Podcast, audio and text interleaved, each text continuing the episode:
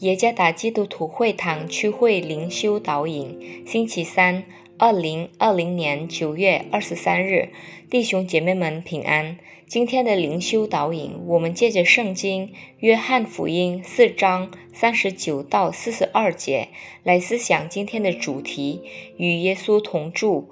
作者伊玛内利牧师。约翰福音四章三十九到四十二节，三十九节，那城里有好些撒玛利亚人信了耶稣，因为那妇人做见证说，他将我素来所行的一切事都给我说出来了。四十节，于是撒玛利亚人来见耶稣，求他在他们那里住下，他便在那里住了两天。四十一节。因耶稣的话，信的人就更多了。四十二节，便对夫人说：“现在我们信，不是因为你的话，是我们亲自听见了，知道这真是救世主。”门徒是那些被呼召跟随耶稣并与耶稣同住的人。耶稣清楚地认识与他同住的门徒，并且主耶稣也知道他们每一位的性格。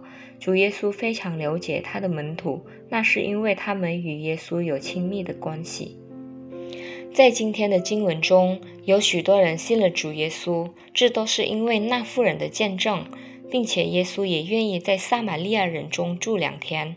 在那两天里，有许多人开始相信耶稣是世界的救赎主。无论是犹太人、撒玛利亚人或其他民族，当耶稣在撒玛利亚人中住两天时，所产生的积极影响，使他们能够对耶稣有更深入的认知。我们对上帝的认知和认识。只能透过上帝向人类的自我显现，所以人类如果能够认知和认识上帝，那是因为上帝向人类的自我显明。耶稣愿意与撒玛利亚人同住，同时主耶稣也向他们自我显明。主耶稣与撒玛利亚人住的那两天里，他们当中有许多人都信了耶稣。